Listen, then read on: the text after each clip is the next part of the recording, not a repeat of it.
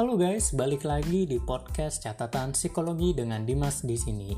Nah, gimana kabar kalian nih hari ini? Ya, semoga buat teman-teman yang lagi sehat walafiat ya semoga selalu diberikan kesehatan ya diberikan kekuatan untuk bisa terus melawan covid nih kayak gitu dan buat keluarga teman-teman yang sekarang sehat walafiat semoga juga sehat-sehat terus ya kan dan buat teman-teman yang mungkin sekarang lagi sakit ataupun uh, apa ya lagi isoman juga semoga uh, bisa diberikan sehat lagi ya. Bisa diberikan kekuatan lagi untuk bisa melawan nih covid nih yang ada di badan teman-teman yang mungkin sekarang lagi bernaung ya. Dan teman-teman sekarang sedang berjuang seperti itu. Semoga lekas sembuh dan lekas sehat ya buat teman-teman semua dan buat teman-teman semua yang sekarang juga nih sedang kerja ya kan capek kerja ataupun capek kuliah semoga uh, apa yang teman-teman inginkan semoga segera tercapai seperti itu dan tetap semangat juga ya di kondisi sekarang yang serba nggak pasti. Ya kita harus tetap berusaha dan berjuang keras seperti itu untuk melawan semua ini ya. Tetap patuhi protokol kesehatan teman-teman jangan lupa pakai masker uh, terus cuci tangan ya kan? Terus jaga jarak ya. Jaga jarak ya. Jangan uh, apa ya dempet-dempetan ya kan? Kayak lagi nyebrang aja ya gandengan ya kan? Ya semoga uh, kondisi pandemi covid ini bisa segera selesai ya teman-teman ya. Amin. Seperti itu. Dan buat tenaga kesehatan yang selalu menjadi garda terdepan kita nih kayak gitu untuk menuntaskan nih covid kayak gitu ya semoga diberikan kesehatan dan juga apa ya bisa diberikan kekuatan juga untuk terus survive untuk melawan covid ini amin seperti itu Nah, oke, okay. sebelum kita mulai ngobrol-ngobrol kali ini ya, teman-teman, buat kalian semua yang punya saran-saran mengenai topik apa aja yang ingin dibahas lewat podcast catatan psikologi, boleh banget teman-teman DM di Instagram kita di @catatan underscore psikologi. Ya nanti gue baca sama teman-teman tim seperti itu. Dan teman-teman juga di IG catatan psikologi atau Instagram teman-teman bisa mendapatkan banyak informasi dan mendapatkan banyak apa ya informasi konten ya. Konten-konten menarik tentang kesehatan mental psikologi dan pengembangan diri. Terus juga ada program-program yang bisa teman-teman ikuti dan layanan-layanan yang juga bisa teman-teman ikuti. So jangan lupa di follow dan jangan lupa di like ya. Oke itu aja. Stay tune terus di podcast catatan psikologi. See you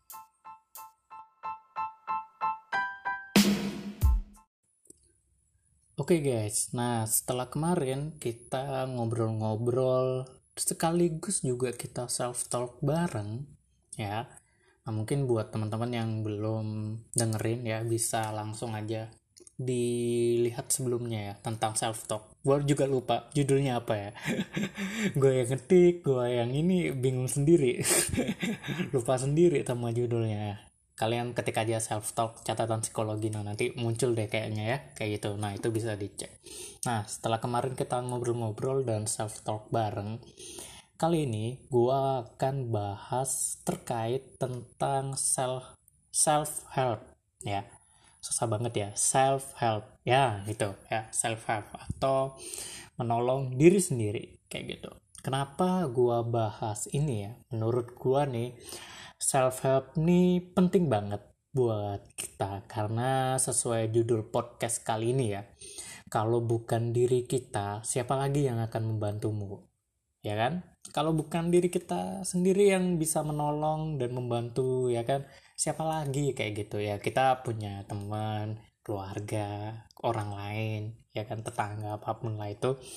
Tapi hal paling utama atau orang yang paling pertama yang bisa membantu diri kita sendiri ya diri kita sendiri kayak gitu ya kan? Gue selalu suka nih sama statement tersebut ya kan? Kalau bukan kita sendiri yang membantu diri kita kayak gitu siapa lagi ya kan?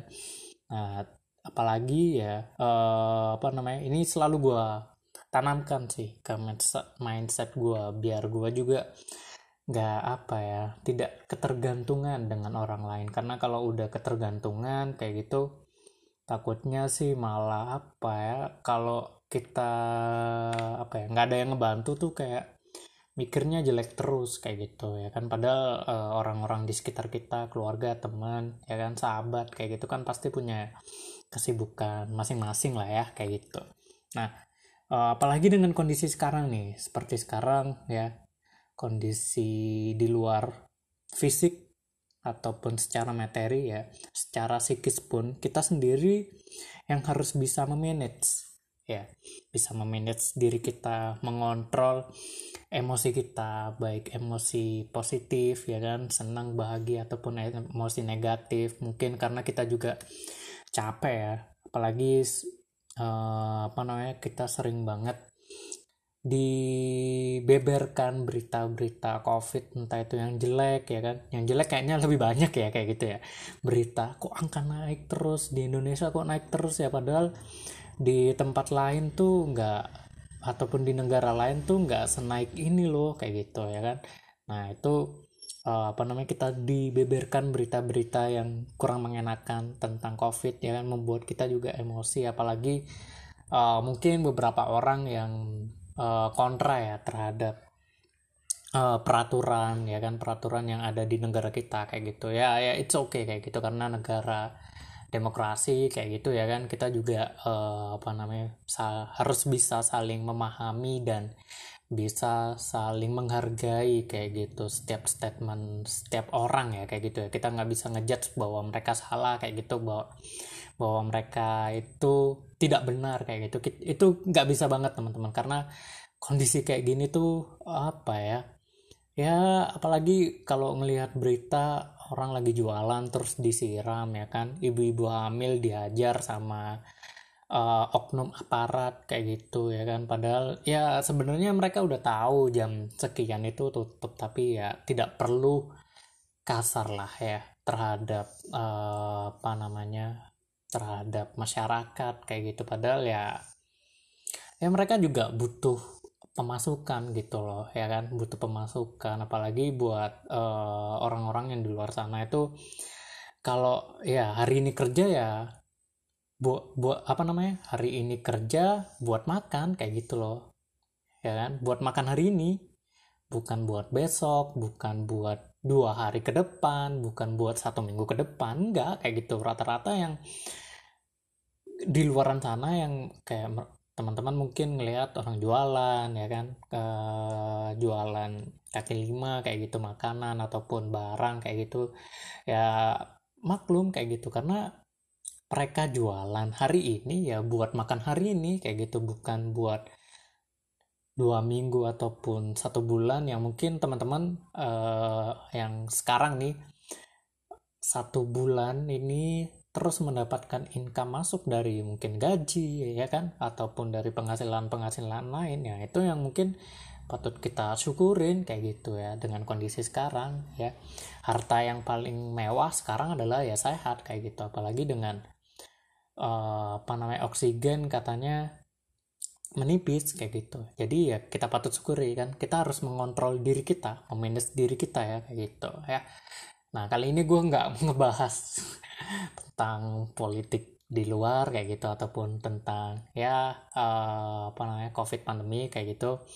Kali ini gue akan membahas seperti yang gue bilang di awal ya tentang self help kalau bukan diri kita siapa lagi yang akan bisa membantu kayak gitu ya kan?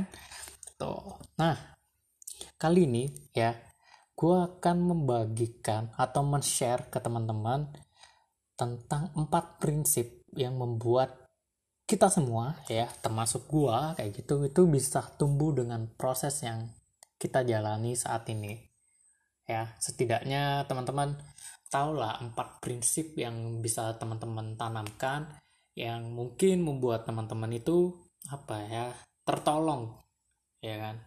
Empat prinsip yang membuat kita itu tertolong juga gitu. Karena ya siapa lagi gitu yang bisa membantu kita ya kan? Dalam proses kayak gini entah itu teman-teman sekarang lagi kuliah lagi kerja ya kan? Kita ya apalagi buat teman-teman yang kerja dan kuliah nih kadang juga aduh habis ini ngapain ya? Kayak gitu apalagi dengan kondisi covid ya kan. Semuanya serba nggak pasti gitu. Semuanya serba nggak pasti. Nah makanya hari ini gue mau share sharing ke kalian empat prinsip yang membuat kita itu bisa tumbuh dalam proses yang kita jalani saat ini. Ya mungkin bisa membuat kita semua sadar ya kan. Termasuk gue juga kayak gitu. Dan bisa membantu kalian sadar terhadap tujuan kalian kayak gitu Nah, empat prinsip ini gue dapatkan dari salah satu buku yang baru aja selesai gue baca, yaitu The Self Help Book by Jer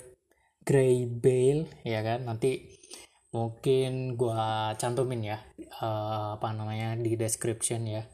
Susah banget Jer Gray Bale ya kan? Itu gue susah banget pokoknya teman-teman cari aja buku The Self Help Book kayak gitu. Sebenarnya ada 6 nah tapi gue mau share 4 aja ya kan? Biar teman-teman juga uh, bisa baca bukunya juga kayak gitu ya kan? Isi-isinya menurut gue itu bagus banget dan membantu sekali kayak gitu ya kan?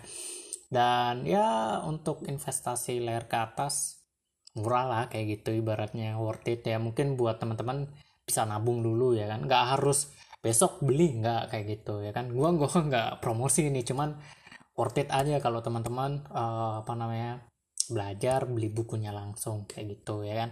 Nah ini mungkin disclaimer aja dikit aja kayak gitu dari isi bukunya kayak gitu. Nggak banyak banget. Kan cuma empat kan ada enam ya kan.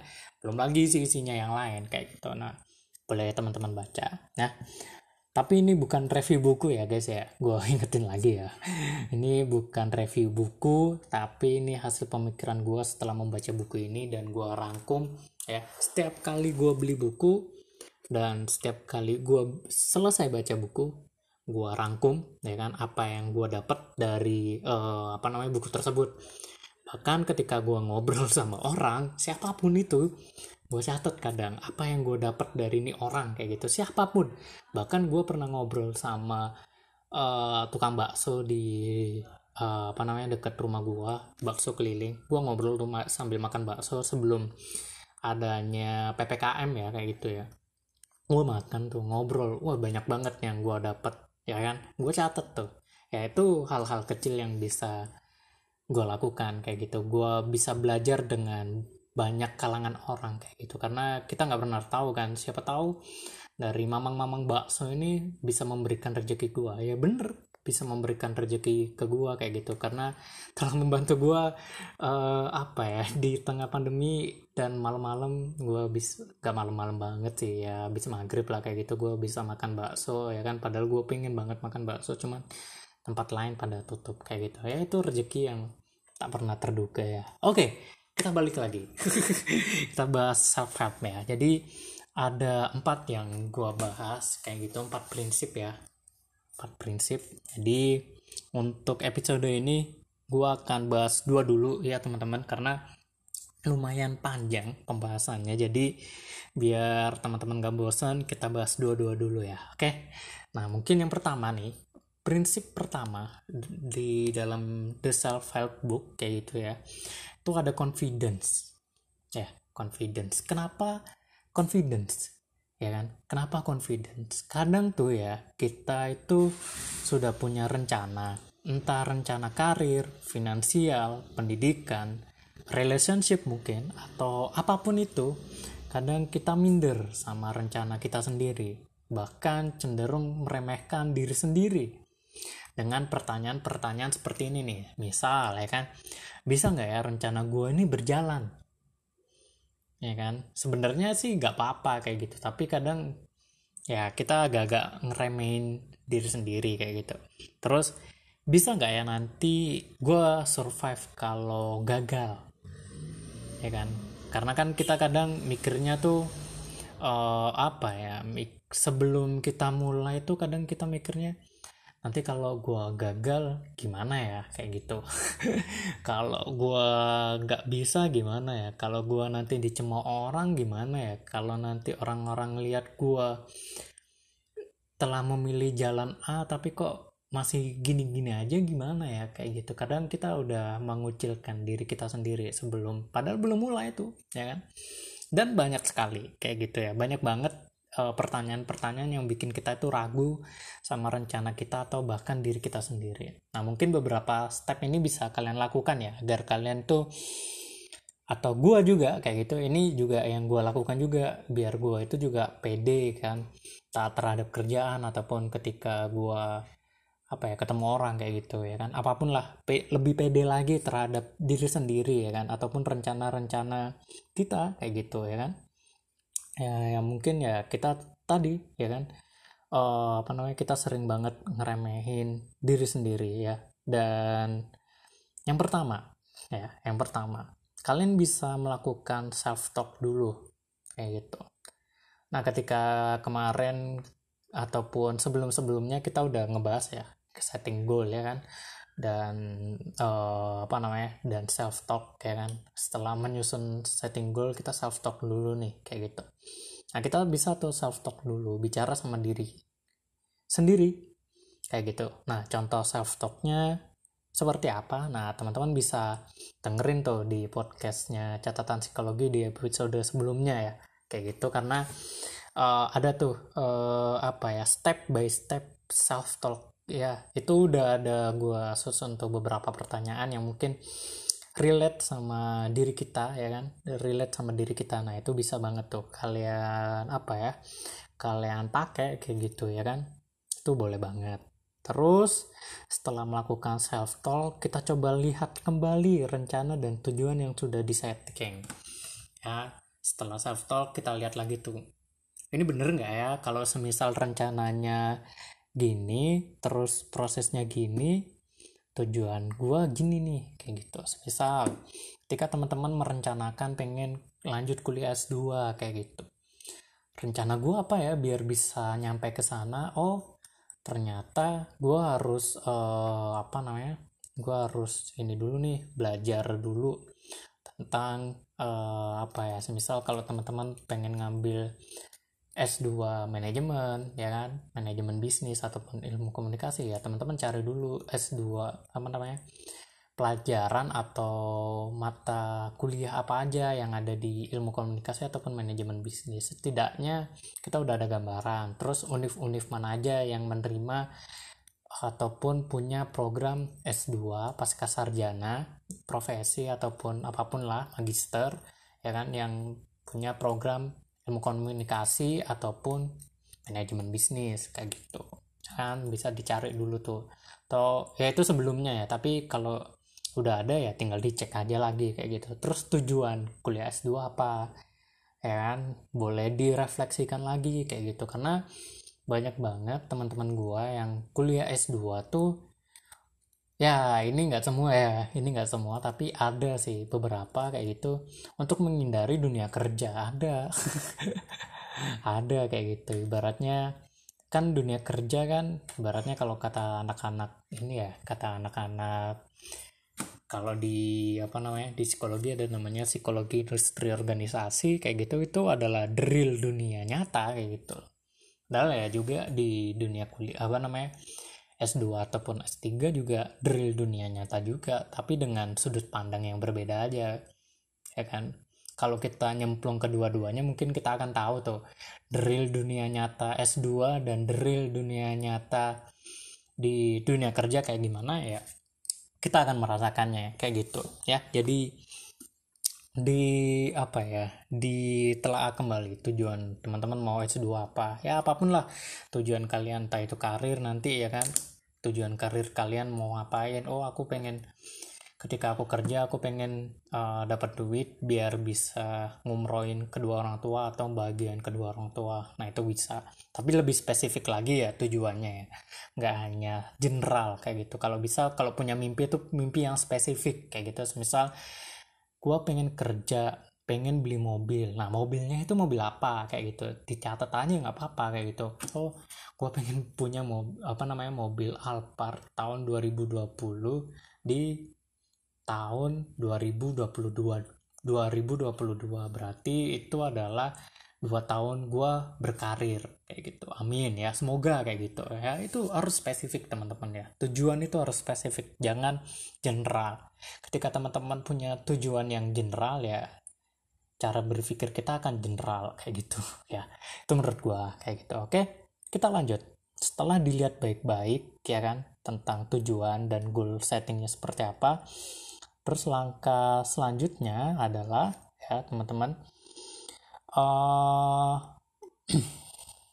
ini coba ingat kembali ya. Coba ingat kembali uh, tujuannya apa dan lakukan langkah pertama ketika kita udah ingat nih uh, rencana kita apa ya kan setelah tadi ya kan setelah tadi kita coba ingat tujuannya terus habis itu rencana-rencana kita kita ingat kembali dan lakukan langkah pertama.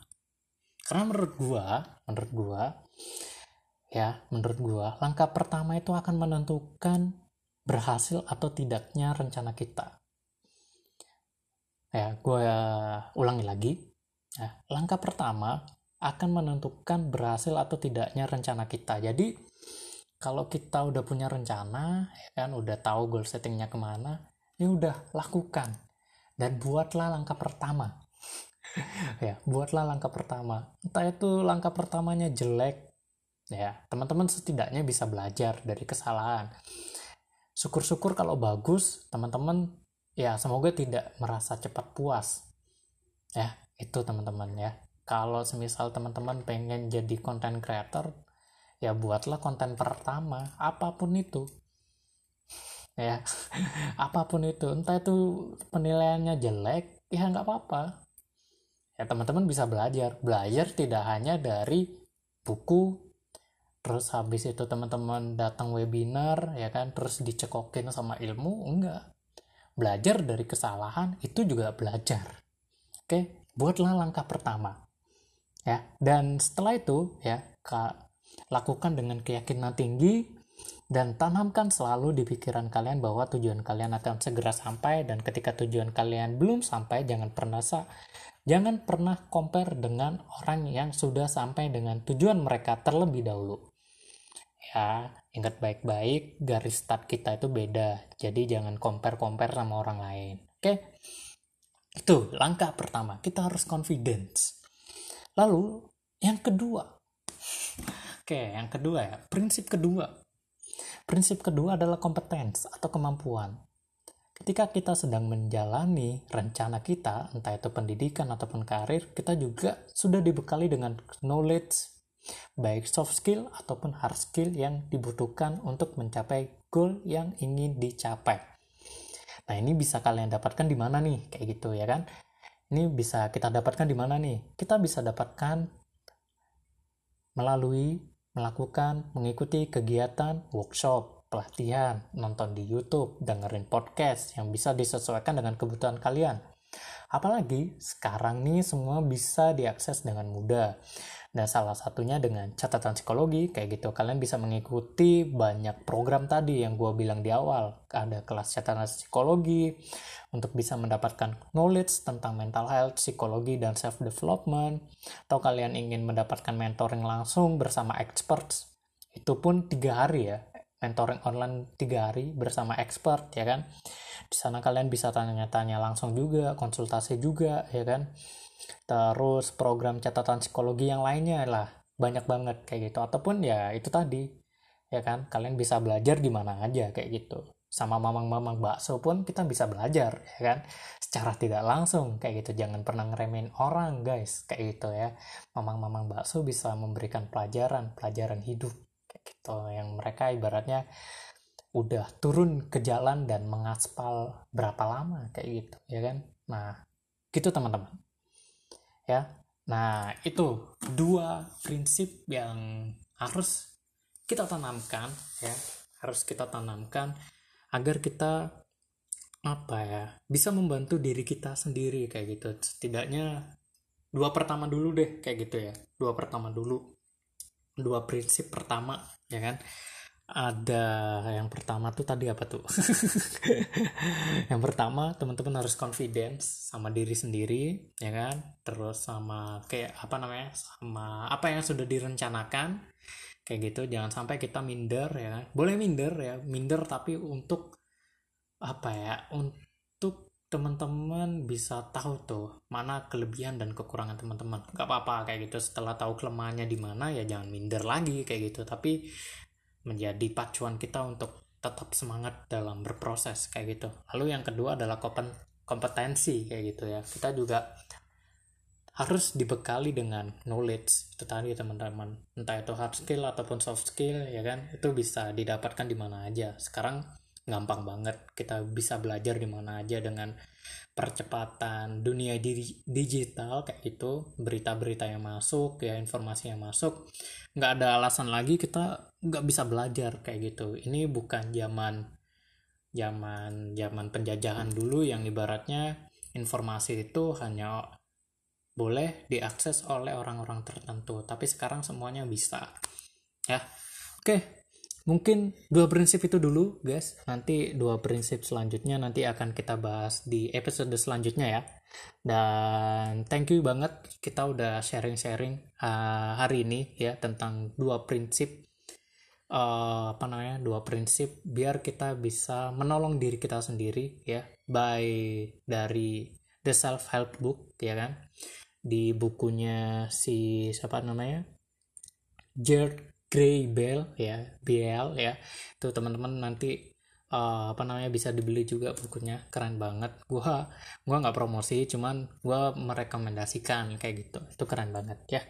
Jadi itu aja mungkin buat hari ini. Thank you banget buat kalian yang udah dengerin dan setia dengan catatan psikologi tetap semangat buat kalian semua buat para pejuang covid para pejuang hidup atau siapa pun yang sedang berjuang dengan rencana-rencananya. Gue yakin kondisi ini akan segera berakhir secepatnya. Yang penting kita yakin dan berusaha. Oke? Okay? oke okay, guys. Thank you karena udah sharing bareng hari ini sekali lagi ya. Udah berapa kali ya gue bilang thank you thank you ya. Pokoknya thank you banget buat kalian semua. Kalian semua keren banget ya. Oke okay, see you at the next podcast. See you at the next episode. By catatan psikologi ya. See you